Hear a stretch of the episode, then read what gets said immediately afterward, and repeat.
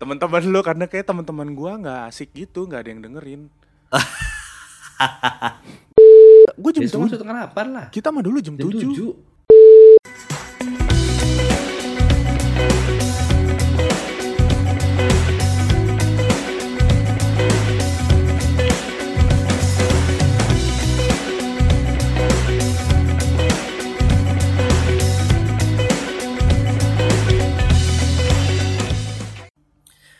Hai, halo, jumpa lagi di podcast Bapaknya Caleb bersama saya Cesar dan teman saya. Benny seperti biasa Yes, apa kabar bro?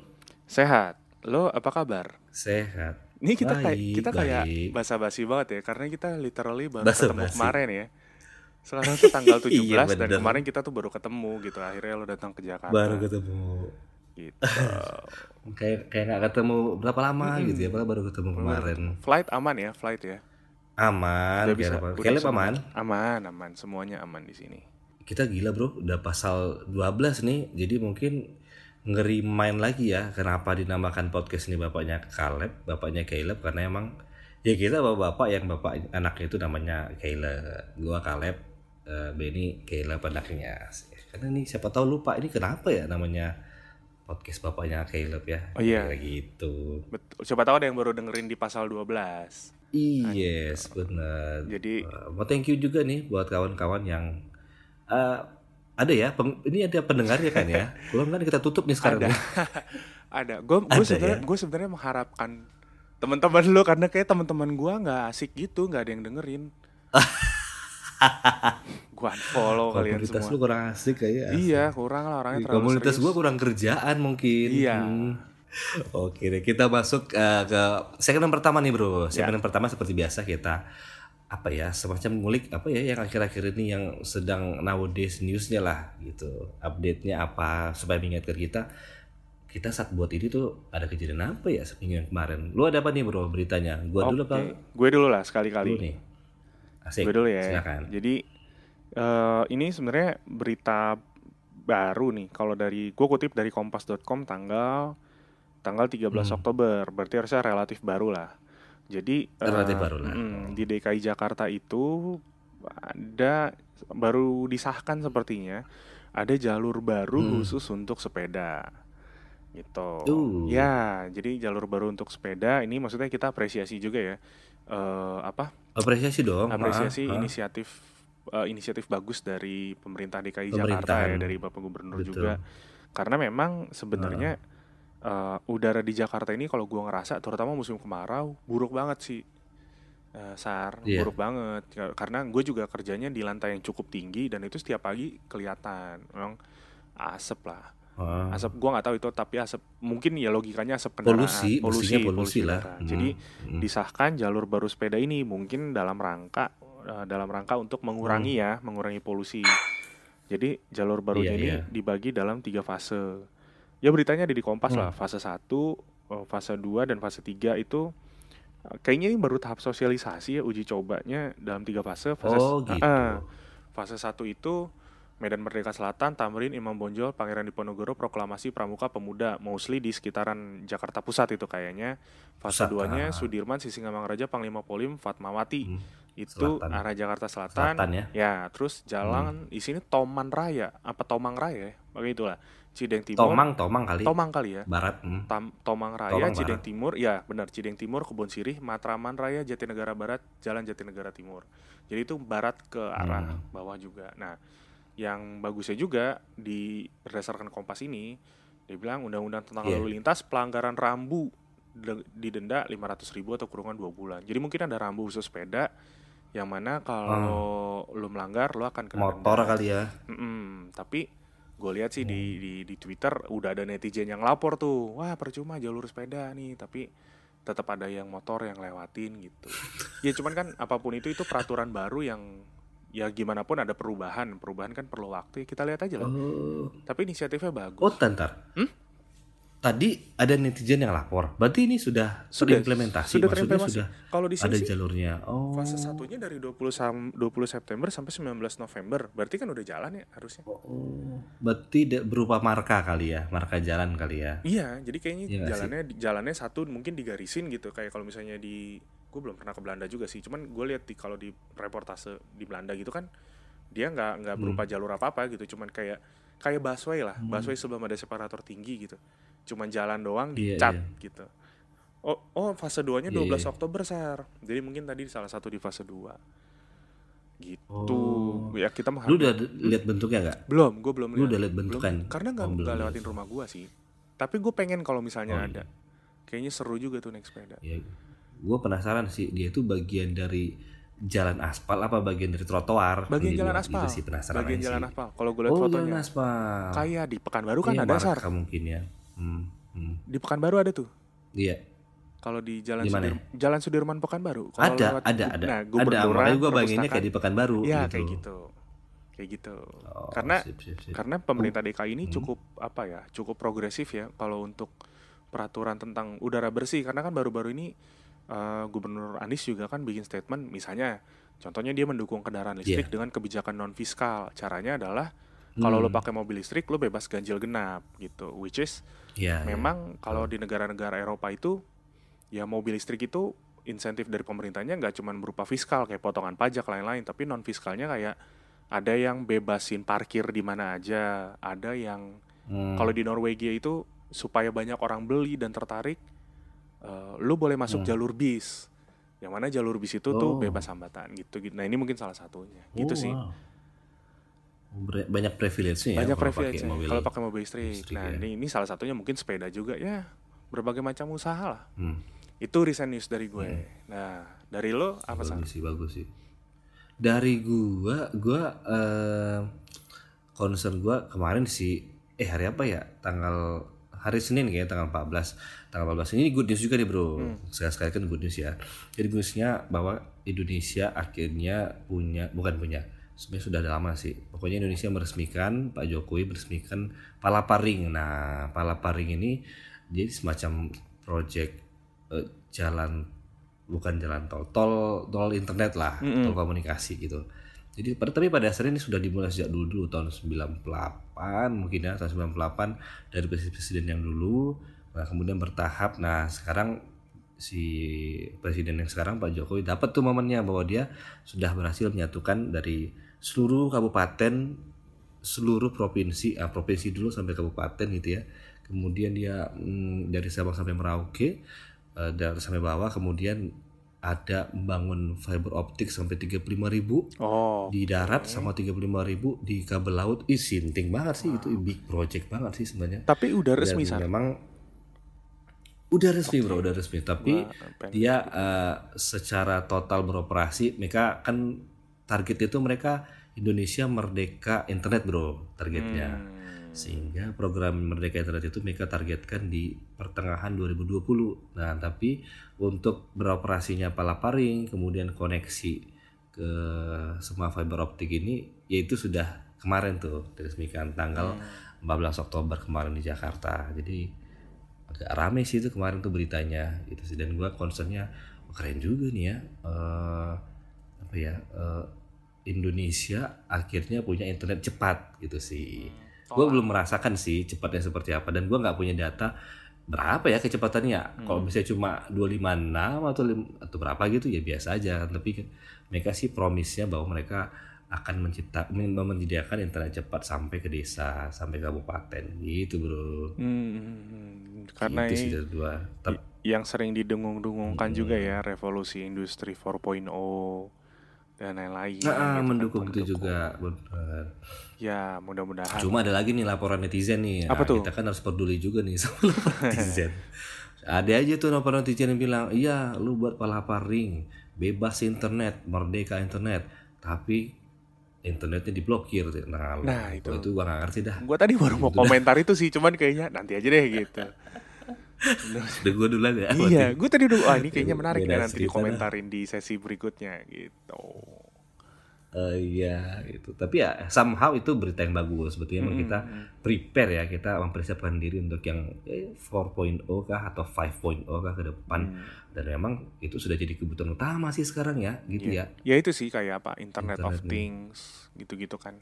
Mm, Itu kan terms yang lagi muncul banyak nih revolusi industri, Internet of Things, ya emang butuh internet benar. cepet. apa ya istilahnya keni, apa ya keniscayaan lah bahwa kita butuh itu di masa depan atau bahkan sekarang. Iya, iya. Hmm. Gitu deh. Oke, berarti itu nowadays ini sudah kita bro. Ini agak cepet nih, biar asik nih. Hmm. Nah, kita masuk ke menu utamanya nih. Yep. Pasal 12 masih terkait juga tadi, masih terkait dengan eh, eh, pemerintahan yang sekarang meresmikan. Nah, jadi kita juga akan ada event besar nih tanggal 20 Oktober 2019 nanti kita akan dilantik ya, dilantik Hmm. presiden eh, yang sebelumnya incumbent Pak Presiden Jokowi sama juga dengan eh, Kiai Maruf Amin ya Ya, wah sebagai wakil presiden ya. di tanggal 20 terpilih, Oktober. ya. Yes, sebagai wakil presiden terpilih. Nah, jadi hitungannya ini masuk periode kedua lah buat Bapak Jokowi gitu. Hmm. Tanggal 20 Oktober nanti. Jadi dengan ada periode baru, tentu kita punya harapan baru dong, Bro ya. Amin. Nah, jadi kita masuk temanya tuh seakan-akan ya harapan baru di periode baru. Sedap. Asik. Asik juga ya. Iya, Jadi iya, kemarin kita bahas tentang relevansi adat, kemudian tentang eh, istri melahirkan. Nah, sekarang agak ke umum lah ya, gitu ya.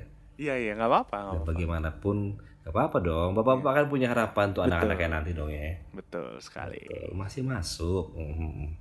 Nah jadi ya udah kita kan eh, tentu dengan periode yang baru ini kemarin kita bersyukur ya dengan periode yang lama sudah dijalankan lepas dari ada positif negatifnya ya kita Hmm. bersyukurlah dengan hasil yang ada sekarang ya bagaimanapun kita harus mengakuin kondisi ada yang lebih baik kondisi yang Hmm. lebih buruk ya sehingga kita di episode eps di pasal kali ini kita mau ini sih harapan-harapan kita apa gitu ya mudah-mudahan harapan ini bisa di grab ditangkap sama orang yang dengarkan setuju apa enggak sama kita kira-kira gitu sih Di, ya nanti siapa ada TikTok nih ya ya, ya. ya ya Siapa tahu Pak Jokowi dengerin atau anaknya dengerin kita yang disampaikan ke bapaknya kan Nanti kita tag dah anaknya gitu ya. Uh, sang pisang lo salah kok sang pisang Gimana? oke jadi dari siapa dulu dari lu dulu nih kayaknya Dari gue ya, gue boleh heeh. gue mungkin apa ya? Gue sih pertama memang hmm, harapan gue ya untuk untuk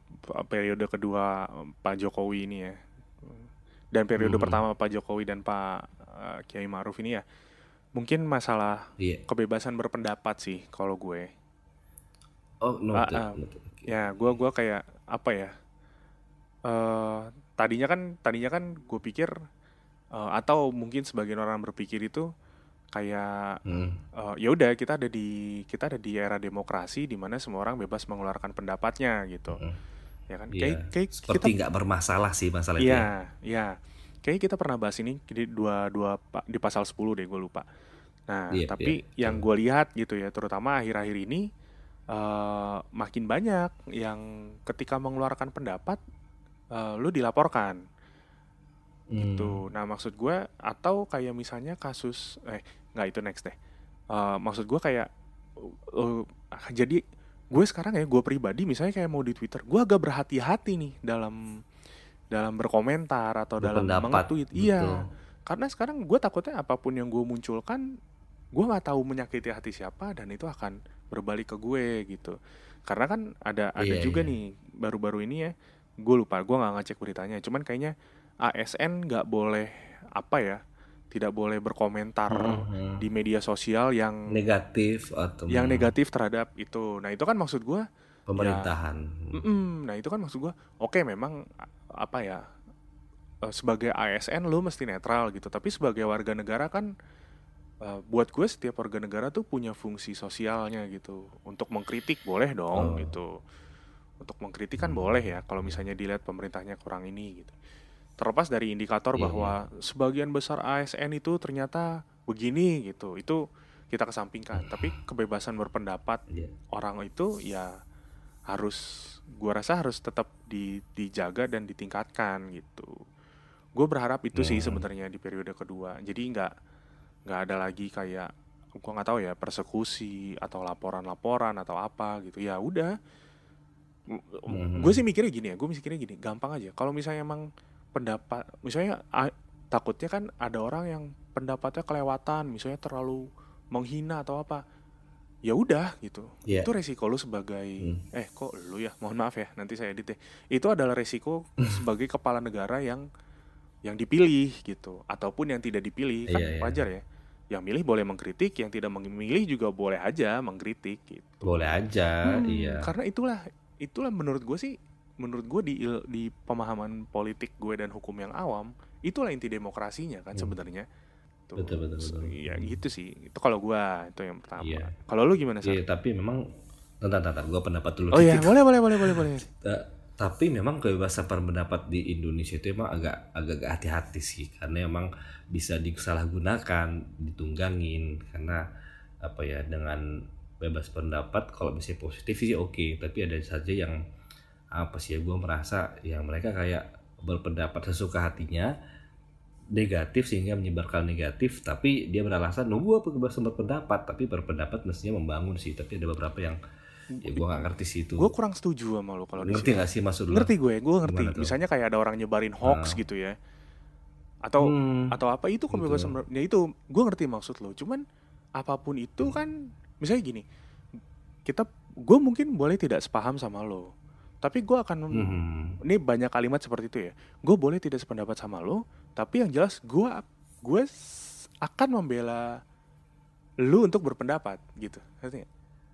walaupun pendapat kita Hmm, berbeda iya, iya. tapi gue nggak mau boleh berpendapatnya Mm-mm, gitu. Nah, masalah pada akhirnya kan memang masyarakat yang harus menyaring oh, mana sih yang Iya. benar, mana yang enggak, pendapat mana yang bagus, pendapat Hmm. mana yang tidak gitu. Nah, kalau itu kan Hmm. balik lagi eh, pendidikan atau gimana gitu kan. dan Nah, sebagainya Mm-mm, dan sebagainya. Nah, berarti kan ya rantingnya gitu, root cause problem solvingnya ya mungkin kualitas pendidikan yang ditingkatkan gitu atau kualitas guru-guru yang harus Hmm. ditingkatkan gitu. Tapi maksud gua Iya, iya, ngerti sih Mm-mm. Jangan sampai orang nge-tweet bisa ditangkap polisi atau mengutarakan gitulah menurut gue sih bro. Kecuali dia benar-benar menipu ya. Ada tuh contoh kasusnya kayak Gua si menipu beda cerita iya Hmm. kayak kayak si ibu yang kita sempat singgung di pasal sebelumnya ibu itu tuh itu kan benar-benar dia Iya, melakukan iya, iya. penipuan. Dia berkata Hmm. begini-begini ya itu silahkan deh itu bukan kebebasan berpendapat. Hmm, Gitu. penipuan ya Hmm. hari hari apa sih namanya hari aduh lupa gue hari apa nasional gitu ya ketipu satu negara Oh ya iya, iya iya iya benar-benar. gitu. oke itu dari lu ya. Kalau dari gua nih eh, ya poin pertama gua ini nggak berdasarkan urutan kepentingan ya Iya, tapi iya, yang enggak, enggak. gua ingat sambil lalu aja. Yang pertama sih gua masalah ini sih lingkungan sih bro. Maksudnya eh, mungkin bisa debatable tapi eh, kalau asap oke lah ya. Maksudnya asap dia pasti eh, pemerintah sekarang sudah concern dengan itu dan saya kita pun yakin juga hmm, apa ya kalau pemerintah daerah pun sudah concern juga dengan tapi maksudnya yang lebih penting daripada itu adalah perusahaan-perusahaan ini nih. Perusahaan-perusahaan yang selama ini grogotin gitu sih yang sepertinya sih sudah ada yang kesentuh tapi itu tuh nggak nggak menyelesaikan belum menyelesaikan yang kakap-kakapnya sih gue rasa. Jadi Hmm. sama seperti halnya pemerintah sebelumnya sudah menyelesaikan tentang Freeport ataupun eh ini gue sebut nama ya tapi maksudnya itulah Ya, nanti kita edit coy. sebagainya gitu. Bahaya tuh. Gak apa-apa, gak apa-apa. Enggak, enggak, enggak apa-apa sih. Kan Serius itu kan sebuah kejadian. Ini nggak apa-apa, nggak apa-apa. Itu kan benar kan? Berarti kan sahamnya kan sudah masuk ke Indonesia. Oh Maksud itu gua ya ya. Ini. De- maksud gua kali ini ada perusahaan-perusahaan yang seharusnya bertanggung jawab atas kebakaran lahan dan sebagainya dan sampai sekarang yang ngambil yang dipidana adalah orang-orang yang membakar, bukan Hmm. Cukongnya, Iya, bukan iya. perusahaannya gitu sih. Dan itu belum kesentuh bro sampai sekarang. Jadi yang yang nggak heran berulang berulang terus berulang terus gitu kapan selesai kalau misalnya perusahaannya sendiri pun nggak dikenakan sanksi gi- gitu Hmm. sih kemudian terkait dengan juga masalah lingkungan hmm, Indonesia sih belum punya kebijakan yang komprehensif tentang plastik sih untuk gua gitu sedangkan negara lain tuh sekarang sangat Hmm. ketat banget kan untuk penggunaan plastik Indonesia sampai sekarang menurut gua sih ya menurut gua gua belum nampak dan malah salah satu produsen sampah plastik terbesar tuh Indonesia Hmm, gitu ya di sekitar gua gua juga mungkin pelaku ya secara sadar Hmm. atau gak sengaja gitu ya tapi itu harus di stop sih ataupun harus dibesar kurangin dan negara sepertinya masih belum ambil peran penting atau ambil bagian penting dalam hal itu Hmm. untuk menanggulangi ini gitu sih. Tapi- masih berupa apa ya ya standar lah kebijakan daerah. Kalau lu beli Iya, di supermarket lu bayar ya itu oke. Hmm. tapi maksudnya ya banyak banget lagi sampah yang lainnya yang plastik yang diproduksi di Indonesia ini. Betul. terkait dengan itu lagi juga sekaligus di lingkungan. Gua sih pengen berani nggak ya pemerintah sekarang tuh buat eh, pembangkit listrik tenaga nuklir misalnya gitu yang which is negara Eropa sekarang ke situ gitu ya. Tapi nggak tahu ya apakah sekarang mereka sudah balik lagi ya menutup nuklir? Lu punya informasi nggak ya? Tapi maksud gua ya hmm, apa ya pembangkit listrik tenaga nuklir itu sudah sudah bisa harusnya sudah bisa diimplementasi sih di Indonesia. Hmm, hmm, hmm. gua nggak tahu apakah berani apa enggak deh pemerintah sekarang. Iya, itu sih isu gua adalah masalah lingkungan. Oke. Nah, lu punya Tapi- isu tapi kayak apa? Tapi eh, di Bali di Bali ya, Pemda Bali itu udah mengeluarkan per- perdanya bahwa di Bali itu udah nggak boleh Hmm. pakai plastik, coy. hmm Ya, Nah, itu kan berarti kebijakan daerah kan kebijakan lokal kan daerah, ya? betul. Sama sekali nggak boleh pakai Hmm. plastik. Jadi lo ke mana-mana ya lo mesti bawa kayak kan banyak tuh tas-tas anak zaman sekarang tuh anak-anak senja tau nggak lo? iya Yang Iya, iya, iya, itu sekarang itu dan ya memang gue setuju sih untuk itu. Gue sendiri, gue mungkin Hmm. masih pelaku tapi gue berusaha meminimalisir. Gue ke mana-mana bawa tas Hmm. itu sekarang, gue bawa botol refill walaupun gue nggak gue nggak sampai Iya, pakai sedotan yang itu ya. ya, tau kan lo sedotan yang yang stainless gitu. Ip, mm, Karena gue orangnya yang lupaan. stainless Hmm. Hmm. Ya, tapi gue setuju sih itu. Terus kalau masalah pembangkit listrik tenaga nuklir itu gue gue Hmm. kurang tahu ya. Tapi gue memang pernah denger eh, isunya bahwa salah satu salah satu apa ya eh, salah satu problemnya dengan itu adalah eh, apa sih kalau intinya nuklir itu apa sih? Gue lupa lah. Waste-nya dari nuklir Oh, itu yang ah. masih belum ada solusinya gitu. Dan Hmm. salah satu dosen gue pernah bilang ya kalau mau Indonesia siap ya Hmm. harus orang-orangnya tuh harus spesial gitu karena dia mencontohkan gini Jepang itu kan tahun 2010 apa 2011 ya? Kan pernah kejadian Iya. tuh eh, yang bermasalah akhirnya pembangkit nuklirnya. Dia menggambarkan gini. Apa sih namanya? Fukushima ya? Ya itu. Gue lupa lah. Itulah ya pokoknya. Hmm. tapi dosen gue bilang gini. Hmm. bocor ya kebocoran Ya, kamu bayangkan orang Jepang yang udah segitu disiplinnya, segitu tertatanya, segitu patuhnya mereka sama SOP masih begitu gitu. Maka itu dosen gue Iya, bilang, tapi ini subjektif ya. Dosen gue bilang "Ya, negara kita saya rasa belum siap gitu. Karena dia membandingkan dengan itu, itu itu perlu ketelitian yang luar biasa. Tapi ya it's ok, ya nggak apa-apa, semua kan harus itu kan pendapat lo yang yang emang bagus ya gitu menurut gue ya makanya gue bilang debatable sih Hmm. gitu gitu. Hmm, debatable oke Oke.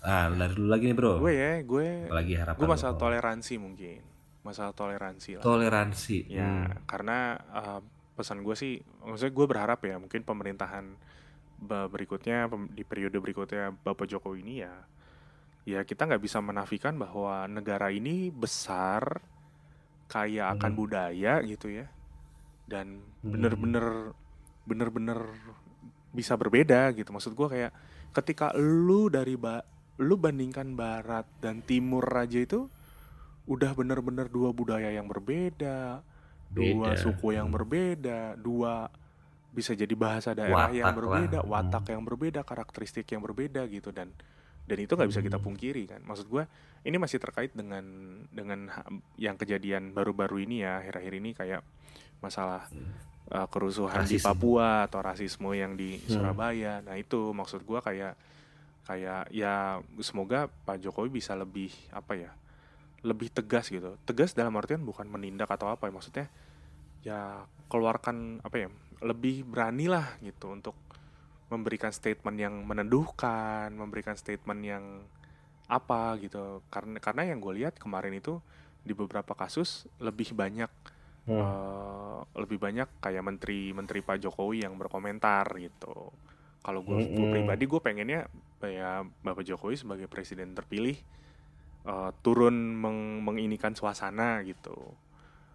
Ya jadi Mm. toleransi menurut gue semoga lebih baik lagi. Bukan berarti saat ini sudah baik tapi gue masih yakin bisa ditingkatkan. Karena kita dari dari berbagai Iya. macam latar belakang Indonesia ini.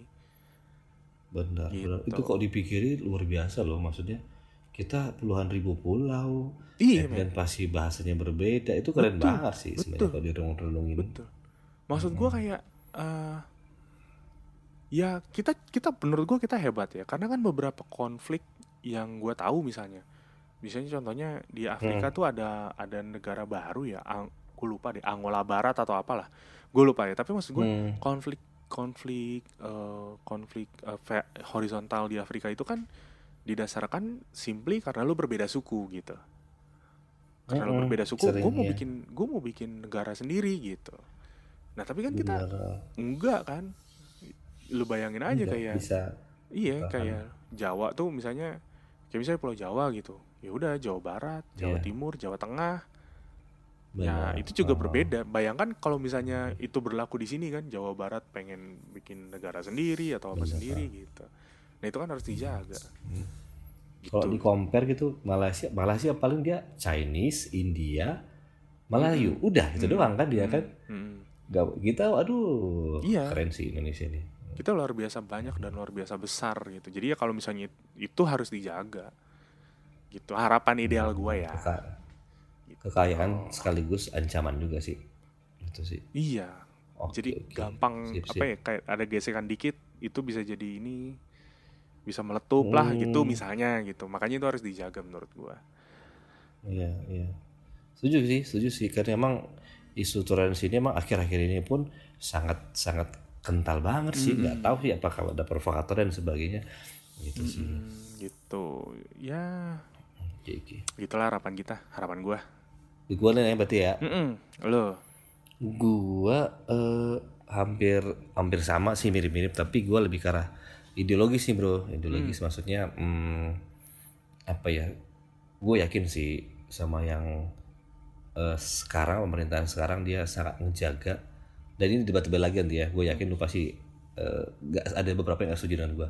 Maksudnya m- harapan gua sih tetap Pancasila menjadi ideologi utama kita di Indonesia gitu. Karena udah final itu ya Pancasila itu yes final itu harga mati banget karena emang secara sejarah juga ya kebetulan gue belajar kemarin ya ya emang Pancasila ini menggambarkan eh, marwahnya kita sebagai warga negara Indonesia dan ini sudah berubah tadinya ada dengan embel-embel kata hmm, berdasarkan syariat Islam gitu ya kemudian dirubah kemudian akhirnya muncullah sekarang Pancasila dengan lima sila ini dan itu sudah benar-benar mewakili ruhnya gitu loh Hmm. luar biasa semangat lah father founding kita membuat ruhnya Pancasila ini tidak hanya sekedar selisih lima pasal doang tapi memang menjadi apa ya ideologi menjadi ya ini gaya kita baik secara ekonomi baik secara budaya kita tuh ya bahkan sampai ekonomi pun kita perekonomian perekonomian Pancasila gitu kemudian terkait dengan itu gua sih harapan gua jangan biar keamanan kita tetap terjaga sih. Seperti yang tadi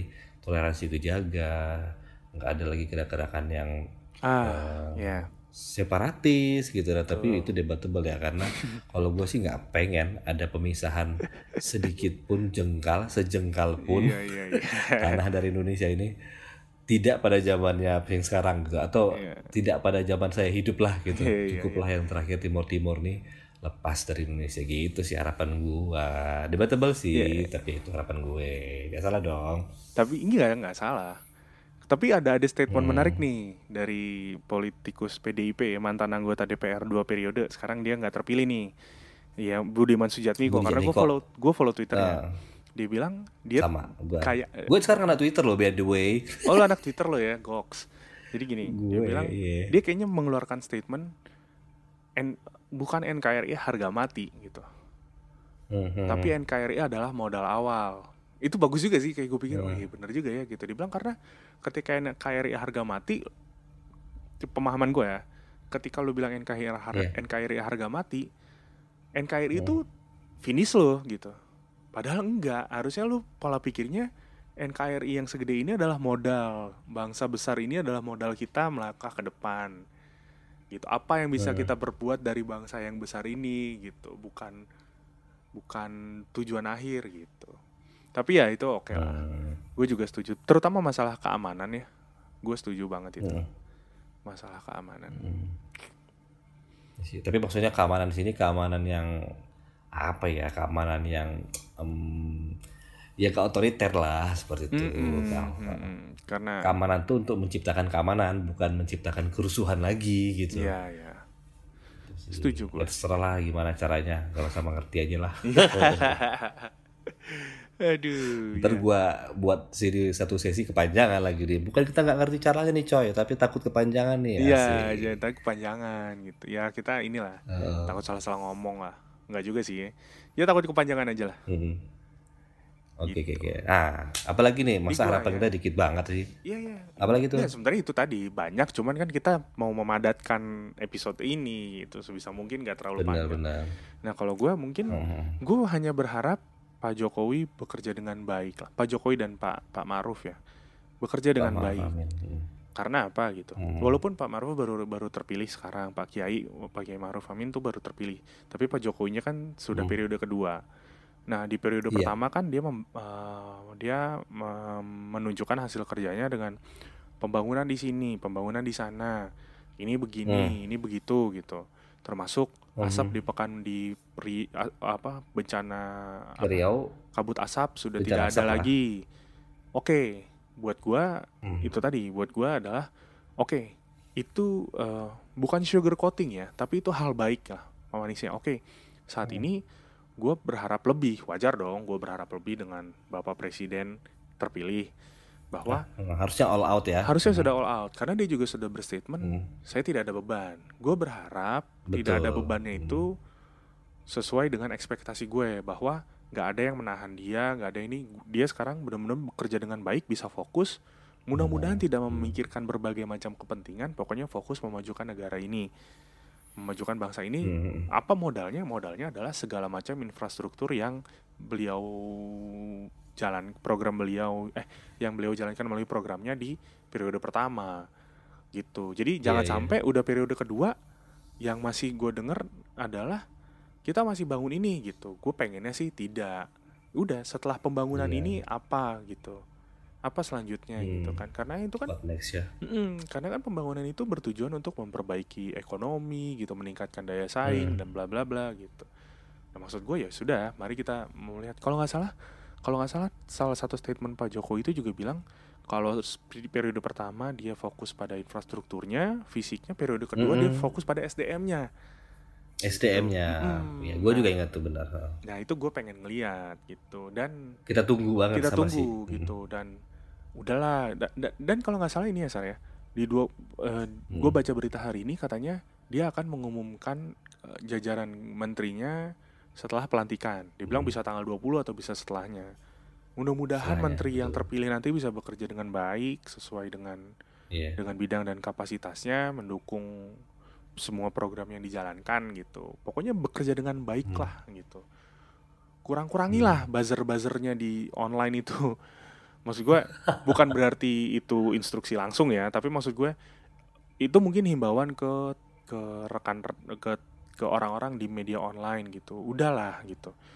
Jangan kurang-kurangilah kegiatan membazingnya gitu. Cukup ya udah maksud gue justru di posisi sekarang ini Esensinya aja. ya esensinya aja. Kalau bagus kita apresiasi kalau emang perlu kita kritik ya sebagai Hmm. bagian dari proses demokrasi kita kritik kan gitu ya.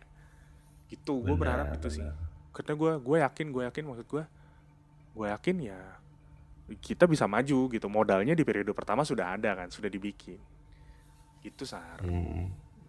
Iya sih, gue juga sabar nunggu sih. Maksudnya dia seperti dia punya konsep dia bakal mau ngapain periode mm. pertama, periode sel- selanjutnya gitu sih. Jadi Mm-mm. ya apa sih yang mau lu lakuin kemarin? Oke, infrastruktur lu habis-habisan bangun ya sampai orang PUPR, orang yang cari duit orang menteri perekonomian sampai mencet-mencet lah bahasa kasar yang gue bilang ya Mhm. untuk ngerjain ini apa ya yang mau lak- lu lakuin gue belum niat sih mudah-mudahan emang karena dia belum dilantik dia nanti tunggu wait and see sih. karena karena kalau kita tarik Hmm. waktu masa apa kampanye ketika debat itu kan gue tidak melihat apa ya karena udah terlalu terpolarisasinya eh, pem- pemilih ini ya esensi debatnya Hmm. itu gue gue belum gue gue yang nggak bisa menangkap apa sih gitu yang mau Iya. dibawa di periode kedua nggak bisa gue tangkap iya gitu makanya bener. mungkin posisi kita Iya, sama yang penasaran dilihat gimmick lah iya apalah gitu Iya, makanya di posisi kita penasaran. Oke, apa nih periode kedua nih? Mudah-mudahan Ah. bekerja dengan baik, fokus pak, gitu. ya gitulah Hmm, dari gua ini paling biar jangan sampai ketinggalan. Hampir nyambung sih tadi dengan yang lu bilang karena ada spot titik SDM situ. Jadi dari aspek pendidikan sih karena gua selama ini dia satu periode dan juga presiden-presiden sebelumnya gua nggak ada melihat ada perubahan besar sih dari dunia pendidikan kita gitu lah. Jadi masih kita tuh masih ngadaptasi gaya-gaya kolonial gaya-gaya Belanda zaman dulu. Lu setuju gak sih? Maksudnya ya kita masih tetap dengan metode sekarang. Paling cuma ngerubah dari semester ke cawu. Dulu tribulan kemudian dulu kelas SMP SMP sekarang kelas 15 lah kelas Hmm, 17 lah itu. Eh ada gak sih kelas 12 yang ada kelas 12 lah kelas 11 lah gitu. Jadi apa sih yang esensinya? Atau juga masih seperti itu aja sih. Gua nggak ngerti. Oh, iya. walaupun even hmm, dulu seorang profesor yang sekarang jadi gubernur di DKI juga ya gue ya dia melakukan sesuatu yang baik ya dengan dengan eh, Indonesia mengajar. Tapi lanjut ya. Jadi gue itu sih eh, penasaran nunggu apa ya yang eh, pendidikan sisi pendidikan aspek pendidikan yang mau dirubah gitu. Hmm. sekarang pun yang menteri yang sekarang em, gue nggak ada melihat perubahan yang menggebrak seperti halnya menteri perikanan yang menggebrak banget menteri ekonomi yang menggebrak gitu ya yang pendidikannya fundamental tapi dia mm, nggak melakukan sesuatu yang esensi Iya, sih iya. yang bisa merubah tapi menjalankan yang ada doang gitu. Ya nah kalau gue bisa nanya ke lu sebenarnya yang lu harapkan itu eh, dari pendidikan Indonesia yang sekarang jadi seperti apa? Yang gue harapkan adalah anak-anak yang memang dia belajar eh, belajar eh, dengan porsinya anak-anak gitu loh dia nggak dibebanin tugas-tugas dia yang penting sekarang adalah pembentukan karakter gitu sih jadi semua sekolah tuh yang penting tuh karakter nggak lu nggak ngejar masalah nilai A B C 1 sampai 10 dan sebagainya lu nggak harus dikejar-kejar dengan ujian-ujian yang Hmm. berat buku-buku yang harus lu bawa tas lu setiap hari sehingga lu sakit pinggang eh sorry sakit punggung dan sebagainya gitu sih Hmm. lu yang harus bangun jam 7 eh, eh bangun jam 5 tiap hari demi mengejar masuk jam tengah 8 men gitu itu gue banget emang anak sekolah sekarang masuk setengah delapan Emang ada yang jam 9 kecuali anak TK? enggak gue jam Ya tujuh setengah 8 lah. kita mah dulu jam Jam tujuh 7. Ya iya maksud gua jam 7 ya. Hmm. Gitu jam 7 gitu loh. itu gue tuh Jadi, bawa maksud gua P ya masih sama aja. mata mat, setiap satu Hmm. mata pelajaran kan ada tiga buku ya catatan PR PS Mm-mm. terus buku paket satu Bener. terus sehari Iya, itu empat iya, mata iya. pelajaran berarti gue bawa 12 buku tuh Hmm. Belum gue mesti bawa Hmm. kamus Inggris Indonesia Indonesia Inggris Ah, terus RPUL Iya.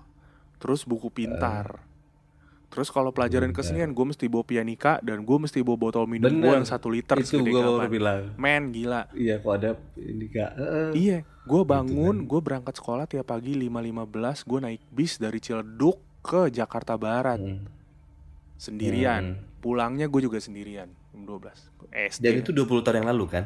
Kira-kira SMP ya. SD coy kelas 3 SD, SD. kelas 4 SD gue udah naik bis sendiri Hmm, Asli. Berarti 20 tahun yang lalu dan dan kira-kira menurut lu 20 tahun sekarang setelah lu melakukan itu masih sama nggak pemandangannya sekarang?